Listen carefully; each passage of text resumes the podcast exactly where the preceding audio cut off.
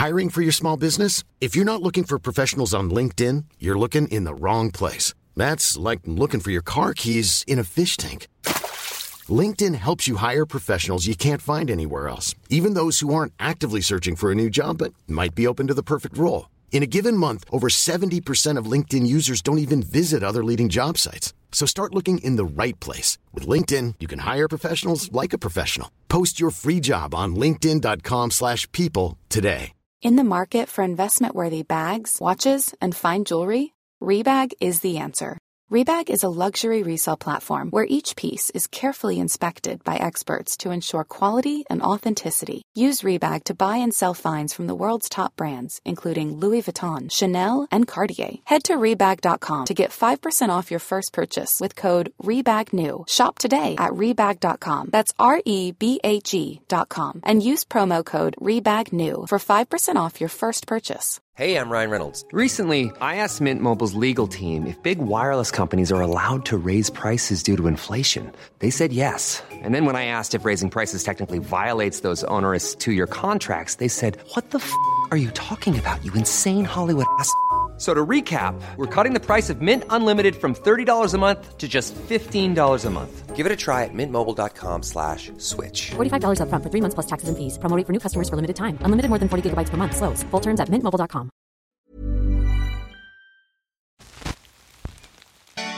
Våldet i Sverige totalt har inte ökat. Men vi har blivit oändligt mycket rädda. Mera rädda.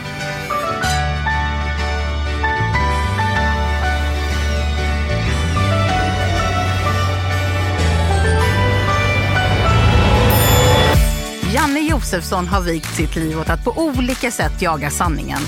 Oanmäld har han stövlat in i intet ont anade människors liv.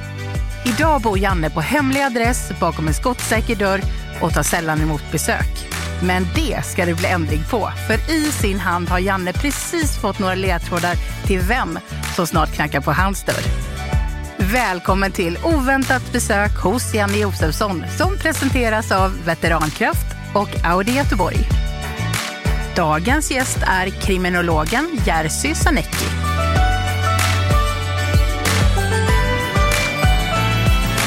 Eh, växte upp i Warszawa. Kom som asylsökande till Sverige.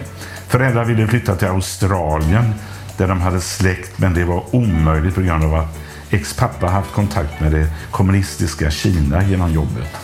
Är idag professor emeritus på Stockholms universitet. Just det. Vi har ju varit med länge, både han och jag. Gamla män, så har vi våra vägar korsats. Eh, annars så har vi nog levt eh, ganska olika liv skulle jag tro. Alltså professor emeritus, då är man ju rätt gammal. Alltså. Jag är ofta expert både i svenska och utländska medier. Jag är en kontroversiell person i vissa politiska läger. Har två bonusbarn med sin sambo och ett gemensamt. Utbildade sig först till gymnasieingenjör i lantmäteri. Åh oh, gud vad tråkigt. Har läs och skrivsvårigheter vilket meddelat att jag fick gå om årskurs 5. Bor på Lidingö. Ja, jag vet vem det är. Herregud och Janan. Jag vet vem det är. Och han och jag har inte samma åsikter. Jag är väldigt öppen. Ja, vi får väl se vad det, hamnar, vad det kommer att handla om. Jag, Eh, han vet ju vad jag sysslar med och jag vet vad han sysslar med. Han har förhoppningsvis läst lite av det jag har skrivit. Jag har läst en del vad han har skrivit. Så får vi se om vi hittar varandra. Han heter... Åh gud, vad heter han? Vi var sommarpratare samtidigt. Och eh, han är en som alltid journalister intervjuar när det gäller kriminalitet och eh, ungdomsbrottslighet och dödsskjutningar. Och jag tycker han har tonat ner. Han har bara pratat om klasskillnader. Han heter... Åh gud! Vad fan att jag inte kommer ihåg. Det är ju, eh, han är den mest kända kriminologen i landet. Jo, det är Jerzy Sarnecki. Om jag nu uttalar namnet helt rätt, det låter jag vara os... Eh, det vågar jag inte eh, vara helt säker på. Men det är Jerzy och vi har träffats. Vi tillhör ju samma generation. Jag som journalist och han som kriminolog. Han är den mest eh, intervjuade av alla. kriminologer i landet. Men det ska bli skitkul att träffa honom. Och jag är hundra på att jag har rätt. Nu ska vi se. Då är det här, ja. Ja, välkommen. Jag skulle väl ändå tro att han känner igen mig. Nu ska vi se. Jag blundar, Ja, det är bra att du gör det. för jag vet vem det är. Och det här har jag sagt en gång tidigare, och då var det helt fel. Den här gången är det en brottsling förklädd till kriminolog. Nej, det är tvärtom. Det är kriminalverket till brottsling. Jag visste att det var det. Vad roligt att se dig. Detsamma. Herregud. I dessa tider är det dig jag vill träffa ju. Ja, det var ju otroligt trevligt. Oj, förlåt. Jag håller på att... Vänta nu, när man kommer till folk så där och det, i, i synnerhet om man är objuden så ska man få lite, lite presenter med sig. Nej, är det sant? Ja, jag vet inte om du kommer tycka om mina presenter. Du vet, vad är det gamla professorer kan bära med sig? Titta, Är en det bok. din bok? Nej, den är inte min. Titta, en bok till. Varsågod. Nej, men gud, det är inte roligt. Det svenska tillståndet. Ja, Amir Rostami. Vad spännande. Då ska du få min, eh, en bok av mig då. Nu tar vi lite kaffe. Vill du ha kaffe? Ja, tack. Ja.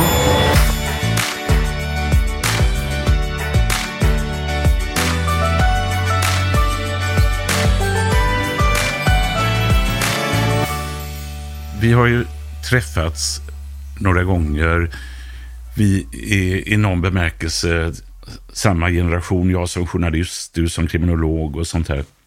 Jag har till och med granskat dig vid något tillfälle. Kommer du ihåg det i Uppdrag granskning? ja eh, det var inte du som gjorde Nej, det. nej, jag var programledare, men... eh, Jag var inte särskilt lycklig över den, men det kan vi ta någon annan det tar vi någon annan. Vi tar det senare i alla fall.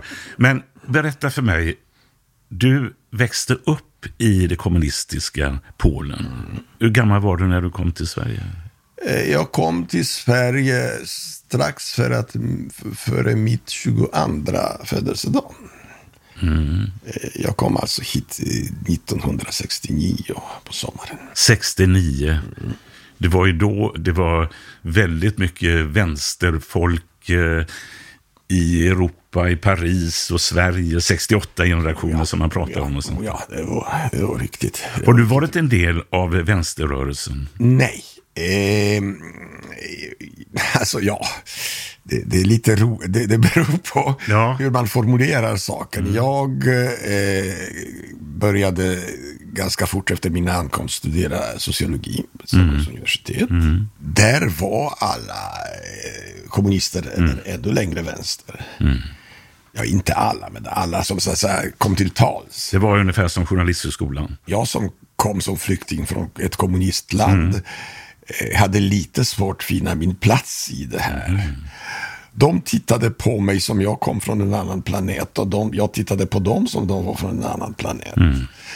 Men eh, på något sätt så hittade vi någon sorts ömsesidig tolerans. Va? Jag gick inte på deras demonstrationer och de frågade mig inte varför jag avskyr kommunister.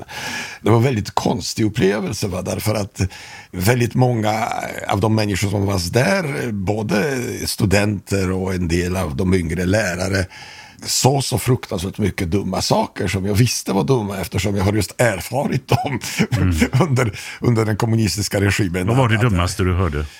Ja, nej, men att socialismen att, att, att ska lösa alla våra problem. Att i socialismen är alla människor jämställda. I socialismen eh, råder rättvisa. Va?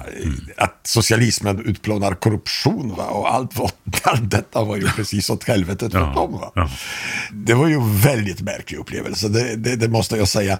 Så Men du har aldrig röstat på ett vänsterparti? Eller vänsterparti? vad beror på vad du menar med vänsterparti. Ja, Vänsterpartiet. Nej, jag har fortfarande aldrig i mitt liv röstat på Vänsterpartiet. Nej. Eller något ännu till Det skulle jag kunna tro, men det är intressant att du säger det. Men jag förstår ju med din bakgrund. Men din pappa eh, hade kontakter med kommunistiska Kina. Oh ja, oh ja, det hade han. Eh, Men, Var han kommunist, eh, tro, pappa? tror du? eh, Ja, eh, dels så är det så att arvsynden gäller inte. Nej, nej, nej, nej, att- nej. Att även om min pappa var... Eh, min pappa var medlem av eh, kommunistpartiet i Polen, Mm, eller som det hette, bara för att eh, låtsas. Mm. Eh, Polska förenade arbetarpartiet. Pappa eh, överlevde kriget i Sovjet. Mm. Kom till Polen efter kriget. Hela hans familj, med undantag för en enda brorsa, blev utplånad i Auschwitz. Och som min pappa fick inte träffa på grund av att han kom till Australien, min, min farbror och, och vi var i Polen och det var ju förbjudna kommunikationer. Och det är mycket riktigt att efter kriget så har min pappa mm, eh, stigit snabbt i graderna och han skulle inte ha gjort det om han inte anslöt sig till partiet. Han blev mycket fort en mycket stor pamp. Han blev chef för polska handelsflottan under en viss tid. Så vi bodde i, i, i en kuststad som heter Sopot och hemma hade vi en pistol eftersom eh, vi var rädda för alla de som eh, inte riktigt tyckte om den här regimen och då var inte få. Sen var vi också i Kina så att säga. Min pappa var chef för ett polsk-kinesiskt rederi. Var du med där någon gång? Ja, jag, var, jag var tio år då. Det- Vi bodde där lite drygt ett år. Min pappa har faktiskt både träffat Mao Zedong, Chou Enlai, eh, Mao Zedongs andra man var ju... Vilka år pratar du om nu? Då är det tidigt vi, 70-tal? alltså, eller? pratar vi, nej, nej, nej, du, det är 50-talet. Mhm. Alltså, vi var där 1956, kom tillbaka 57. Sen blev min pappa avskedad och dömd till fängelse. På grund av?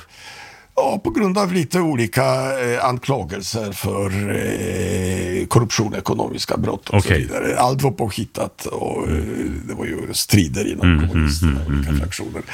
Vi överlevde där ända fram till 1968 när vi åkte ut. Jag är ju lite yngre än du, men vid den här tiden så blev jag väldigt påverkad för jag mm, började läsa tidningar rätt tidigt. Göteborgs-Posten och prenumererade på Dagens Nyheter. Chefredaktör Olof Lagercrantz var ju Yes, i Kina och hyllade Ja, ja. Kina. Vilket ledde till att jag ville flytta till Kina. Jag trodde, nej, men jag trodde på detta. Jag är 16-17 år. Jag gick med Svensk-kinesiska vänskapsförbundet här i Göteborg och vi hade ett möte på Masthugget. Och det är då de har precis skjutit ner Lin Piao. Och så frågar jag ordförande i Svensk-kinesiska vänskapsförbundet där, bara frågar varför har man skjutit ner honom? Ja, Vi har fått besked från ambassaden att eh, han var fiende. På vad sätt då? Och så fick jag inga förklaringar. Och då reste jag mig och gick. Jag vill inte vara med i den här klubben längre, så, Det så jag ju, gick. det var ju stångartigt. Men, men jag menar, du, du som eh, ändå uppvuxen här, du kunde ju bli lurad som många andra. Ja. Jag visste ju hur det var, va? så Ja. mig kunde de inte Nej, lura. nej. Så att, så att eh, men tänkte det, var ju, det var snälla människor, det var människor som ville väl. Ja. Det var bara totalt jävla förvirrande.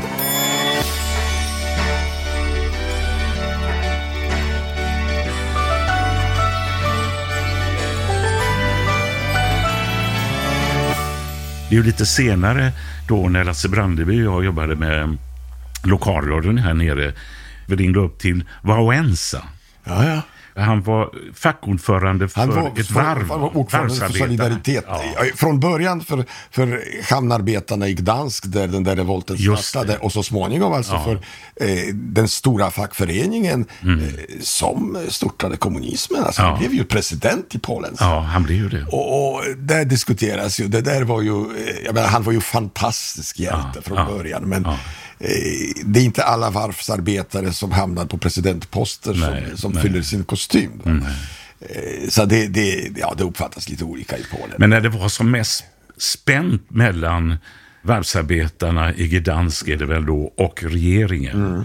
Så hade han kopplat upp så att man kunde lyssna, man, högtalare och sånt här. Mm. Och då sjöng regeringen Internationalen, men arbetarna sjöng nationalsången. Ja, just ja. Och det, det visar ju lite grann att kommunismen eh, var en... Det var en stor diktat. jävla fejk från Ja. början till slut. Dessutom ett, ett jävla fejk påtvingat Mm. polackerna mot polackens vilja och faktiskt mot en viss, eh, vilket vi inte visste när vi levde på den tiden, att det var ju motstånd mot Mm. kommunistregimen efter att kriget tog slut. Eh, enorma förföljelser Ja. mot, mot eh, motståndare till kommunismen. Eh, Sen visste vi ju inte att det inte bara kommunismen och fienden var, det var också den ryska nationalismen. Det har vi fått eh, så att säga erfara idag. Va? Inte minst nu när... Ja, precis. Är du skraj?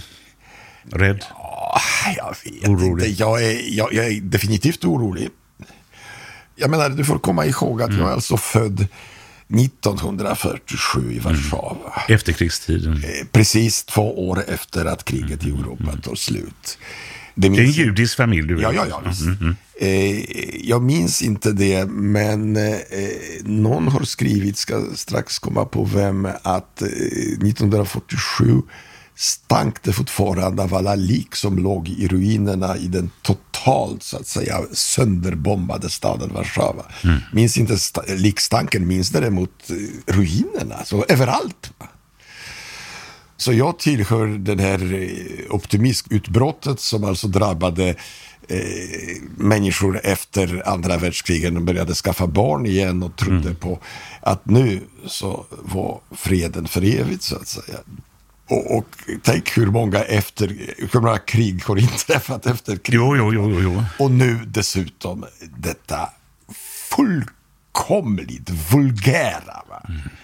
hänsynslösa attack på, ett, på, på, på, på det där stackars jävla landet. Man måste ju komma ihåg att Ukrainas historia är ju historia av oavbrutna övergrepp från just eh, Rysslands sida. Den stora svälten till exempel. Den berömda Holodomor som det talas om. Till och med under Stalintiden. Ja. Nej, men just under Stalin, alltså två gånger under Stalin-tiden. Först, först eh, i samband med Holodomor var för att Ukraina var ju den delen av Europa som var den bärdigaste och då har de alltså då i samband med, med kollektivisering så har de alltså fallit ihjäl miljontals människor där. Framförallt på, i Ukraina. Alltså det, det finns alltså skildringar eh, där man konserverar små barn för att äta dem lite senare. Va? Och sen ytterligare en gång efter kriget med Ukraina återigen drabbat av svält på grund av den, den, den sovjetiska regimens agerande. Va? Och eh, inte nog med detta så anfaller de detta jäkla stackars land alltså på det här förljugna sättet. va? Alltså det är skakande. Ja. Så att jag är, jag, jag är väldigt skakad av det. Jag, jag tror kanske inte att katastrofen kommer att inträffa imorgon, även om ingen av oss vet. Men jag... Alltså jag är ju kriminolog någonstans i grunden. Jag, jag tror på något jävla rättvisa någonstans. Och jag skulle... Jag hoppas att jag lever tillräckligt länge för att eh, den där skurken och hans anhang skulle kunna ställas inför en tribunal. Är du optimist? Nej, men det är inte omöjligt. jag menar, det är inte omöjligt.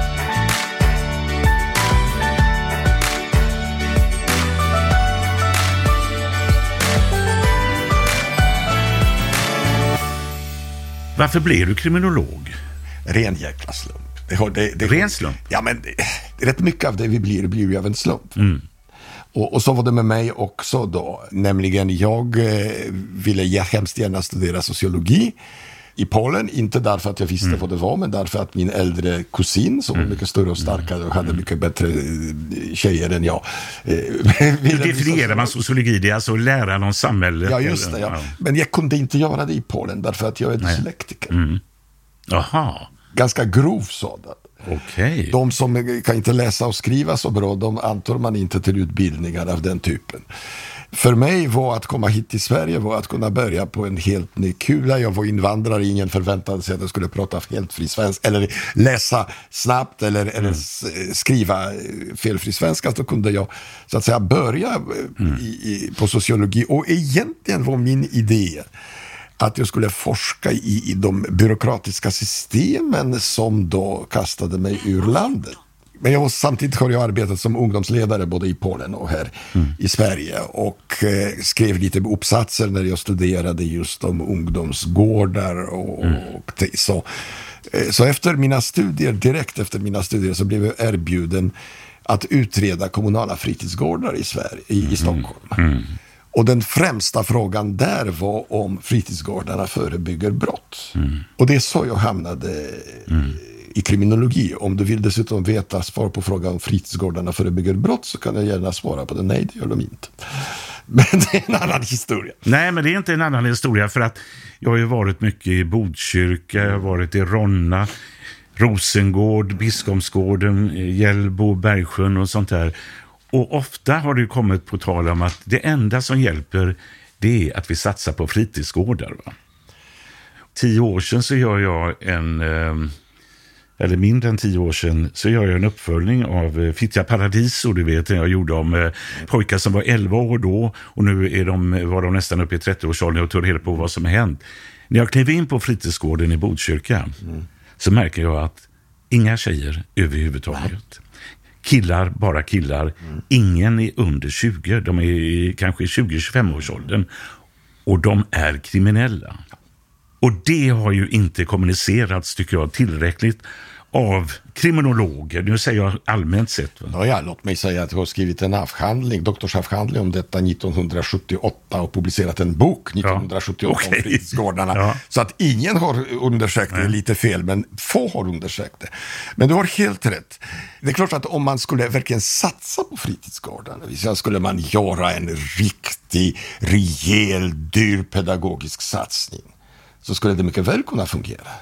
Men som det är nu så fungerar det inte. Det fungerar tvärtom. Mm. Det fungerar eh, som eh, ja, introduktion till brottsligheten. Ungar utan tillsyn eh, springer på den där fritidsgården sitter där eh, och gör mer eller mindre ingenting för att de vill inte göra någonting och personalen är välvillig men okunnig. Och, och så småningom så eh, när fritidsgården stänger klockan tio så går, de och gör stan så att säga. Eh, inbrott och, och whatever.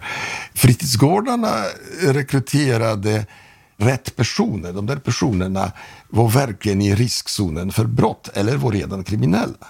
Men de lyckades inte med dem. Alltså, hur har det kunnat gå så här långt? Vi kan ju se nu, inte minst i Fittja, Botkyrka, eh, hur eh, eh parti, Socialdemokraterna krackelerar ju mm. i de områdena på grund av att eh, ena gänget tycker att eh, man har eh, missat det här. Ja, lustigt nog, när det gäller konflikten i Botkyrka så handlar det om fritidsgårdar. Ja, det gör ju det. Ja. Alltså då, men såg du så, detta Jerzy, så tidigt menar du? Att, eh, nej, inte de politiska konsekvenserna nej. av det. Nej, men alltså att fritidsgårdar inte var något bra? Nej, att fritidsgårdarna var inte bra har jag som sagt eh, skrivit om väldigt mycket, va? Både, både då och senare. Mm. Jag kanske inte var så bestämt att fritidsgårdarna var till skada när jag skrev mina första eh, så att säga, saker om dem, men nej. jag såg i alla fall att de gav inte de effekter som man avsåg. Nej.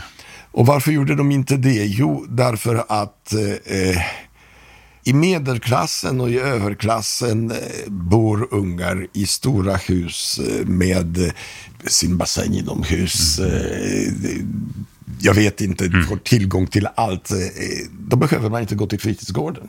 Nej. Medan vilka ungar som går till fritidsgården? Jo, de som bor trångbott. Mm de vilkas föräldrar har skiftarbete och hinner aldrig köpa all utrustning för mm. ishockey och, och all, eh, kör inte till olika Nej. träningar, matcher och så vidare. Va? Men än värre är väl också att vissa av de anställda på fritidsgårdarna har varit kriminella. Och ja. det, alltså det blir ju helt uppåt väggarna. Ja, nej, men det, det, blir det ju det. Men, men om du betalar folk skit eh, lite och dessutom så att säga ger dem inte anställningstrygghet och, och dessutom får de jobba på deltid, vilka tror du du rekryterar? Så att allt detta har Ja, du menar att det har den Så skulle man satsa rejält på detta. Jag har gjort någon sorts utredning till, åt någon kommun, jag minns mm. nästan inte vilken det var på den tiden jag fortfarande sysslade lite med det här.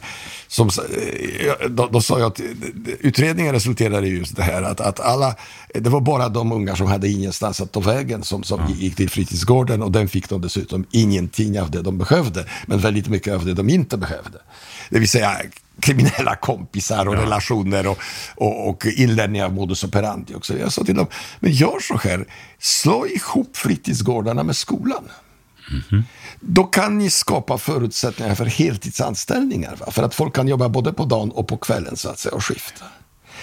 Eh, satsa på skolans ledande roll för det här.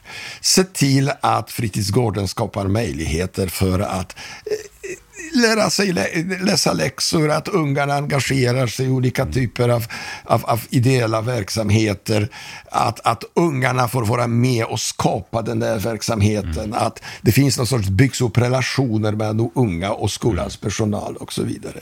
Då finns det förutsättningar att det ska fungera. Mm. Mm. Men som ni gör, ni separerar det fullständigt från skolan ni skapar inte förutsättningar för engagemang. Det finns något inom kriminologi som kallas för teori om social kontroll eller teori om sociala band. Va? Som säger att eh, det som förebygger brott är nära relationer till människor som representerar det etablerade samhället.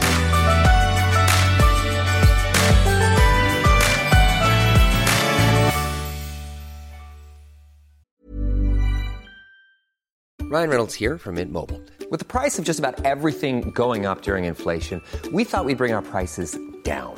So to help us, we brought in a reverse auctioneer, which is apparently a thing. Mint Mobile unlimited premium wireless. Ready to get 30, 30, bit to get 30, bit to get 20, 20, 20, bit to get 20, 20, bit to get 15, 15, 15, 15 just 15 bucks a month. So, Give it a try at mintmobile.com/switch. slash $45 up front for 3 months plus taxes and fees. Promo for new customers for limited time. Unlimited more than 40 gigabytes per month slows. Full terms at mintmobile.com. Burrow is a furniture company known for timeless design and thoughtful construction and free shipping, and that extends to their outdoor collection. Their outdoor furniture is built to withstand the elements, featuring rust-proof stainless steel hardware, weather-ready teak, and quick-dry foam cushions. For Memorial Day, get 15% off your Burrow purchase at burrow.com slash ACAST and up to 25% off outdoor. That's up to 25% off outdoor furniture at burrow.com slash ACAST. I'm Sandra, and I'm just the professional your small business was looking for. But you didn't hire me because you didn't use LinkedIn jobs. LinkedIn has professionals you can't find anywhere else, including those who aren't actively looking for a new job but might be open to the perfect role, like me. In a given month, over 70% of LinkedIn users don't visit other leading job sites. So if you're not looking on LinkedIn, you'll miss out on great candidates like Sandra. Start hiring professionals like a professional. Post your free job on linkedin.com slash people today.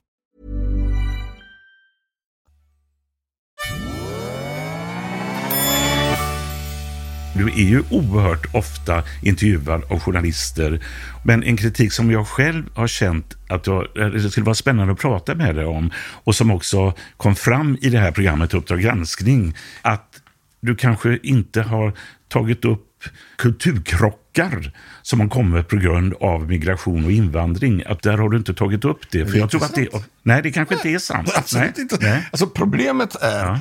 Alltså, det här är ju spännande och det är roligt att träffa dig Janne, därför att du är någon sorts journalistikon på sätt och vis. Va? Så att om man ska skälla på journalistiken så ska ja. man skälla på Janne Josef. Ja, ja, ja, okay. Så det är, ju, det är ju roligt på det sättet att träffa dig. Mm. Eh, det är så att den kritik av mig som förekommer för det mesta i någon sorts obskyra eh, så att säga internetmedier som mm. det, det, det förekommer mycket konstigt överhuvudtaget. Men också i de mera etablerade medierna. Den bygger ju inte på att folk läser det jag skriver. Den bygger på att folk läser det som jag svarar, det journalisterna frågar. Mm. Och du som är ytterst erfaren journalist vet att ett samtal mellan en journalist och en forskare mm. handlar väldigt mycket om det som journalisterna frågar. Mm. Så om du frågar mig, vad tycker du om eh, regeringens mm. politik mm. i den och den frågan? Eh, då svarar jag på den frågan. Va? Jag kan mm. inte säga, nu men så å andra sidan mm. och så pratar jag om något annat. Va? Mm. Det, man måste vara ju hur jävla skicklig som helst att klara det. Jag börjar klara det nu i 76 års ålder.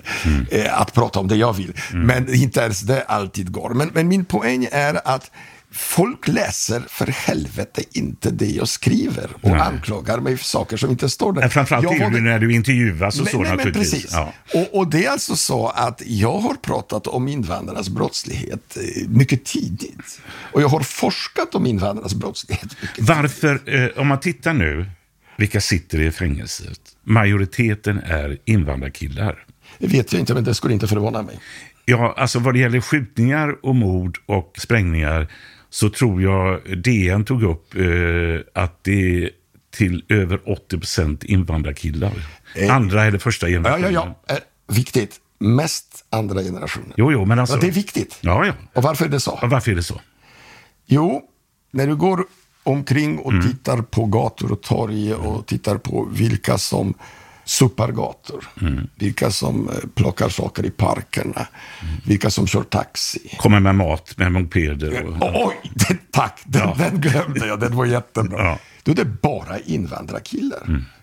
Den svenska underklassen är i oerhört stor utsträckning etniserad. Jag ska ge dig ett exempel bara för att mer statistiskt. Så att för så 20 år sedan, det är inte så länge sedan, lite drygt 20 år sedan, så var det ungefär, jag tror att det var 25 procent av människor som hade i, i, bara grundskoleutbildning av alla i Sverige var invandrare. Nu har den där andelen ökat till 50 procent. Inte på grund av att invandrarna generellt sett är dåligt utbildade, men på grund av att samtidigt som svenskarna blev mycket, mycket bättre utbildade, så har väldigt många med dålig utbildning kommit till landet. Så, så att eh, om de har dålig utbildning, om de så att säga inte kan språket, om de inte har några kontakter på bostadsmarknaden, om de så att säga, dessutom en del av dem eh, blir ju direkt utsatta för, för, för eh, rasism. Va? Då utgör de underklassen i det svenska samhället. Och ur vilken klass tror du re- rekryteras de kriminella? Jag menar, du har själv arbetarbakgrund om jag minns rätt. Absolut. Men det- då, Du vet hur det var med dina polare. Ja, absolut, och där är vi överens. Alltså, det finns en diskriminering, det finns en rasism. Men förklara det läget i Sverige nu och att det ser ut som det gör. Finns det inte kulturkrockar? Hederskulturen, synen på demokratin, synen på kvinnan, synen, förstår du? Självfallet. Självfallet, och det är ett problem. De, är de bara offer menar du? Nej, för helvete. Alla människor har alltid möjligheter att välja. Alltid. Men de valmöjligheter är ibland väldigt begränsade. Och problemet för underklassen är att deras valmöjligheter är begränsade. För att om du inte kan språket och dessutom går i en skola där ingen annan kan språket heller. Va? Om du så att säga kommer från familj där det finns inga utbildningstraditioner, vilket innebär att du inte själv får de där traditionerna. Föräldrarna kan inte hjälpa dig med läxorna. Bor trångt, föräldrarna kan, eh, har så jävla mycket bekymmer att de kan inte kontrollera ditt beteende och så vidare. Så har du fortfarande möjlighet att vara hederlig människa. Men om man säger så- Men ja. chanserna är lägre. Om någon säger så här att en del av förklaringen är att vi tog emot för många än vad vi kunde härbärgera, än vad vi kunde integrera. Vad säger du då? Jag säger att eh, vi kunde ha ta- tagit hand om dem betydligt bättre. Jag vet inte Det vill säga, de det är vårat fel, alltså eh, Ja. svenska samhällets fel, som inte tog hand om bättre. Ja, i ganska stor utsträckning Mm. så, så tycker jag det. Jag menar, att jag var så noga med det där att prata med dig om andra generationer. Mm, Ungarna som är födda i Sverige. Varför har vi genom vårt skolsystem, genom socialtjänst, genom alla de institutioner som vi har, inte sett till att de där ungarna klarar sig bättre än de gör? Jag, Varför är de fortfarande dåligt utbildade? jag tänkte på det när vi gjorde om eh, högstadiet i Rosengård till exempel. Där det visade sig att en stor del av eleverna inte klarade att komma in på gymnasiet. De hade inte gymnasiekompetens. De hade så dåliga betyg. Framförallt killarna. Men det, när de inte gjorde det, då står ju de kriminella där och erbjuder. De brydde inte om om de kan svenska eller kan räkna eller någonting. Men varför gjorde man så här att man var tvungen för att bli murare, för att bli snickare, elektriker, ställde de kraven. Ja, det, är också, det är också helt rätt. Är inte det konstigt? Ja, det, det är helt rätt. Vi, vi skulle mycket väl kunna eh, ha betydligt mera praktiskt orienterade utbildningar som leder till hederligt jobb. Det är rätt. Men det finns flera dimensioner. Du sa framförallt killarna. Skitintressant. Det visar sig nämligen att killarna klarar sig oändligt mycket sämre än tjejerna. Absolut. Invandrartjejer är mycket framgångsrika i väldigt många avseenden i vårt samhälle. Ja. Men då ska man komma ihåg att de kommer ju från samma omständigheter. Så att den där gigantiska könsskillnaden som vi har är ju också något som vi har misslyckats med. Vänta bara, jag ska Ja, ja, för dig. Jag undervisar en hel del fortfarande. Jag, Mm. i, i, på alla kriminologiutbildningar Mm. jag undervisar på, det är tre olika, finns praktiskt taget inga killar. Det finns praktiskt taget inga killar på samhällsvetenskapliga utbildningar överhuvudtaget. Vi är helt enkelt dummare. Nej, Vi är mera förtjusta i snöskotrar och, Mm, och, och, eh, tuffa grejer. Och Ja, nej, men det är ju jätteintressant det här. Man Så- ser så- det så- ännu mer än vad det gjorde när jag växte upp. Ja, ja Att- o, o, alltså jag har ju varit med och Ja, ja, undervisat ja, i visst. 50 år. Ja. Det är dramatisk förändring. Det finns nästan inga killar. Och allt flera tjejer, invandrartjejer, och är skitduktiga. Jerzy, jag måste ändå fråga dig. Vi toppar statistiken i skjutningar, i mord, i sprängningar. Nej, nej, nej, inte i mord, Janne. Inte i mord. Nej, inte i mord, men alltså den här alltså typen.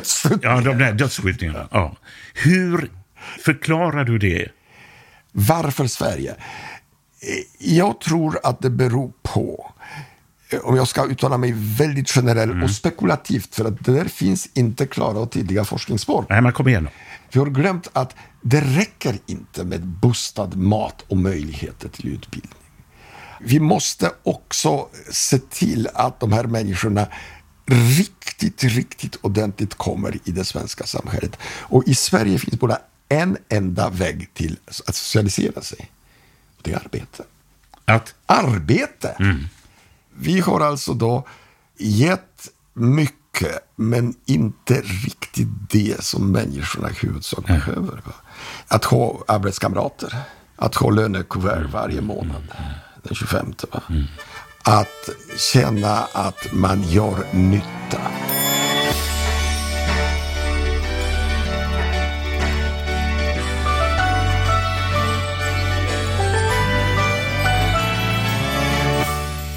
Får jag fråga dig, alltså, är du lycklig? Ja men herregud, vad frågar du om? Jag vet inte. Jag lever, jag har hälsan, jag har familj, jag eh, har jävla spännande arbete som jag kan inte släppa. Trots att jag borde. Och bli lycklig pensionär. Där liknar vi lite varandra. Va? Lycklig? Ja, det vet jag. Vad är lycka då? Jag vet inte. När är du som mest alltså- lycklig då? Jag är ju skadad på ett sätt väldigt kraftigt eh, genom 50 år som forskare. Va? Eh, Så jag är lycklig när jag upptäcker något eh, sånt här som jag inte har väntat mig. Jag förstår helt plötsligt något som jag har inte förstått. Det händer mer och mer sällan ju äldre man blir, men det händer fortfarande. Har du mycket vänner och bekanta?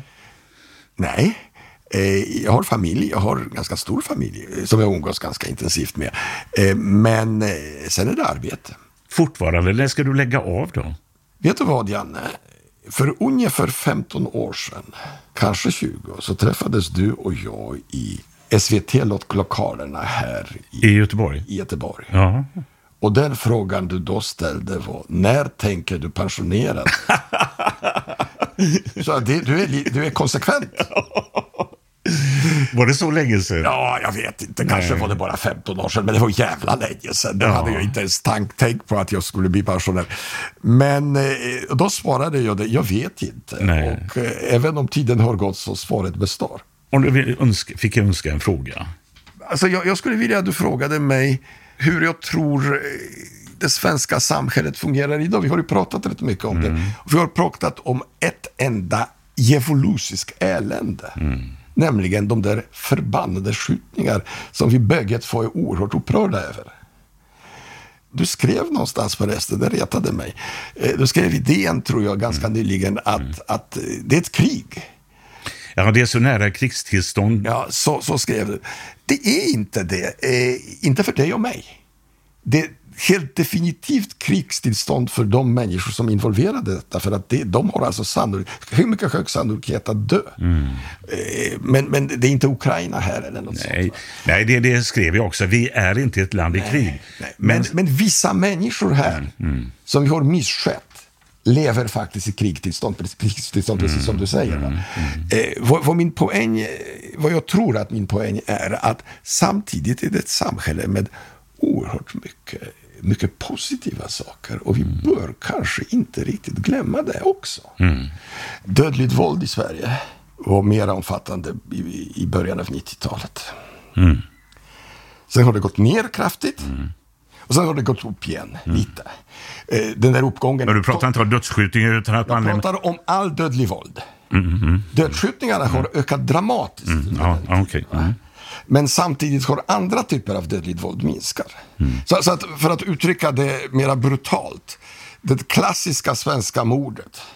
Två skitberusade idioter börjar gräla om något som de nästa morgon skulle inte kunna Mm. komma ihåg vad det var. Och den ena drar kniven. Va? Den typen av mord har minskat. Mm. Den andra typen av mord som har minskat något, det är faktiskt eh, kvinnomord. Lika berusade karlar som alltså slår ihjäl Mm. sina Ja, just det. Just det. Samtidigt har den där brottsligheten med skjutningarna kraftigt ökat.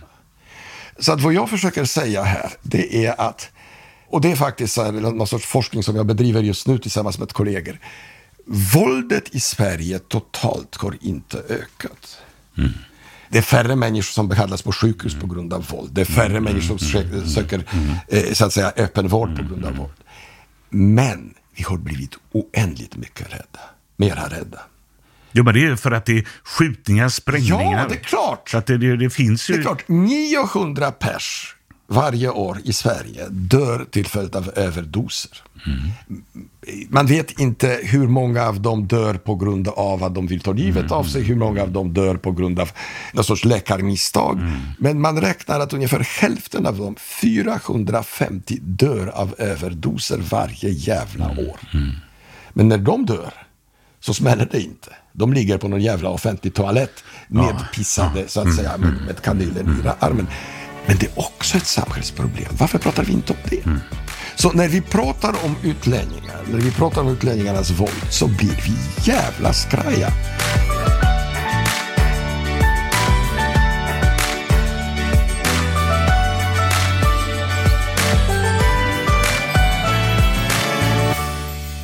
Vad skulle du vilja säga till den kurdiska räven? Jag skulle säga, snälla kurdiska räven. Du har fått så jävla mycket reklam i Sverige så att du kan vara riktigt jävla nöjd. Ditt varumärke har byggts på ett sätt som aldrig skulle, borde gå in, ha inträffat. Dels skulle inte begreppet kurdiska räven användas. Vill man använda konkreta uppgifter så ska man använda namnet på den där personen. Och dels är jag ganska övertygad om att rätt mycket som tillskrivs honom tillskrivs honom för att det just har den här typen av medial effekt. Sen är han jävla bandit förstås. Tvivel. Och, och det, det är förstås absolut nödvändigt att den svenska regeringen ser till att han utlämnas till Sverige om han inte ska dömas i Turkiet. Den eh, så att säga massmediala bubbla som har uppstått kring det här, den är ju direkt skadlig. Ja, men det är väl inte konstigt att media skriver om eh, honom? Men alltså just det där att använda den kurdiska räven va? och den andra ka- kallas för greken. Bara detta har ju otroliga eh, implikationer för att hantera hela problemet. Va? För det konstrueras en, en dramatik, en, en aura. Gå nu till Rosengård eller till Rinkeby och fråga hur många av de där skitungar i 13, pojkarna i 13-14 år skulle inte vilja bli den kurdiska räven. Så fattar du vilken skada den här publiciteten orsakar. Vad är du mest stolt över, Jerzy? Jag har fantastiska ungar.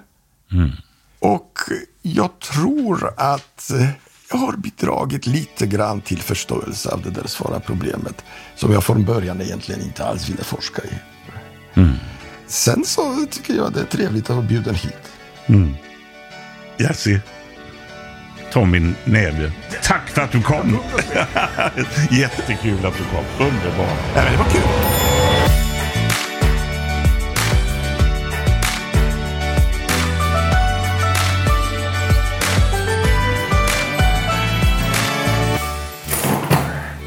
Eh, det var ett trevligt samtal och jag är väldigt nöjd. Jag hade otroligt trevligt faktiskt. Sen så är det ju så va, att eh, som professor så vill man alltid eh, så att säga, undervisa. Va? Det, det är ungefär den roll man har som forskare eller som akademisk lärare. Och jag har ju lämnat två böcker till honom så att läser han dem så lär han sig väl någonting. Jag har lärt mig i alla fall en del. Han berättade rätt mycket om sitt eget liv och det var ju trevligt. Om det känns som att jag har fått en ny kompis? Ja, på något sätt. Jag sa ju det sista att eh, när jag är i Stockholm så hör jag nog av mig. Alltså jag...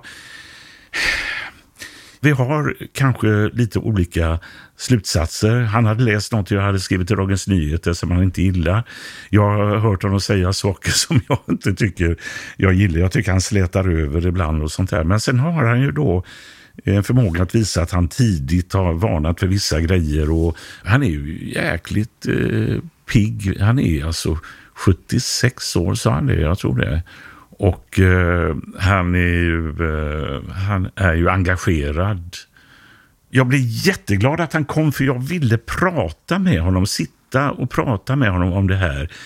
Vi respekterar varandra, vi gillar varandra. Thank you for listening to this Polpo original. You've been amazing. Hey, it's Paige DeSorbo from Giggly Squad. High quality fashion without the price tag. Say hello to Quince. I'm snagging high-end essentials like cozy cashmere sweaters, sleek leather jackets, fine jewelry, and so much more. With Quince being 50 to 80% less than similar brands. And they partner with factories that prioritize safe, ethical, and responsible manufacturing. I love that. Luxury quality within reach. Go to quince.com slash style to get free shipping and 365 day returns on your next order. Quince.com slash style. Planning for your next trip? Elevate your travel style with Quince. Quince has all the jet setting essentials you'll want for your next getaway, like European linen, premium luggage options, buttery soft Italian leather bags, and so much more. And is all priced at 50 to 80% less than similar brands. Plus, Quince only works with factories that use safe and ethical manufacturing practices. Pack your bags with high-quality essentials you'll be wearing for vacations to come with Quince. Go to quince.com/pack for free shipping and 365-day returns.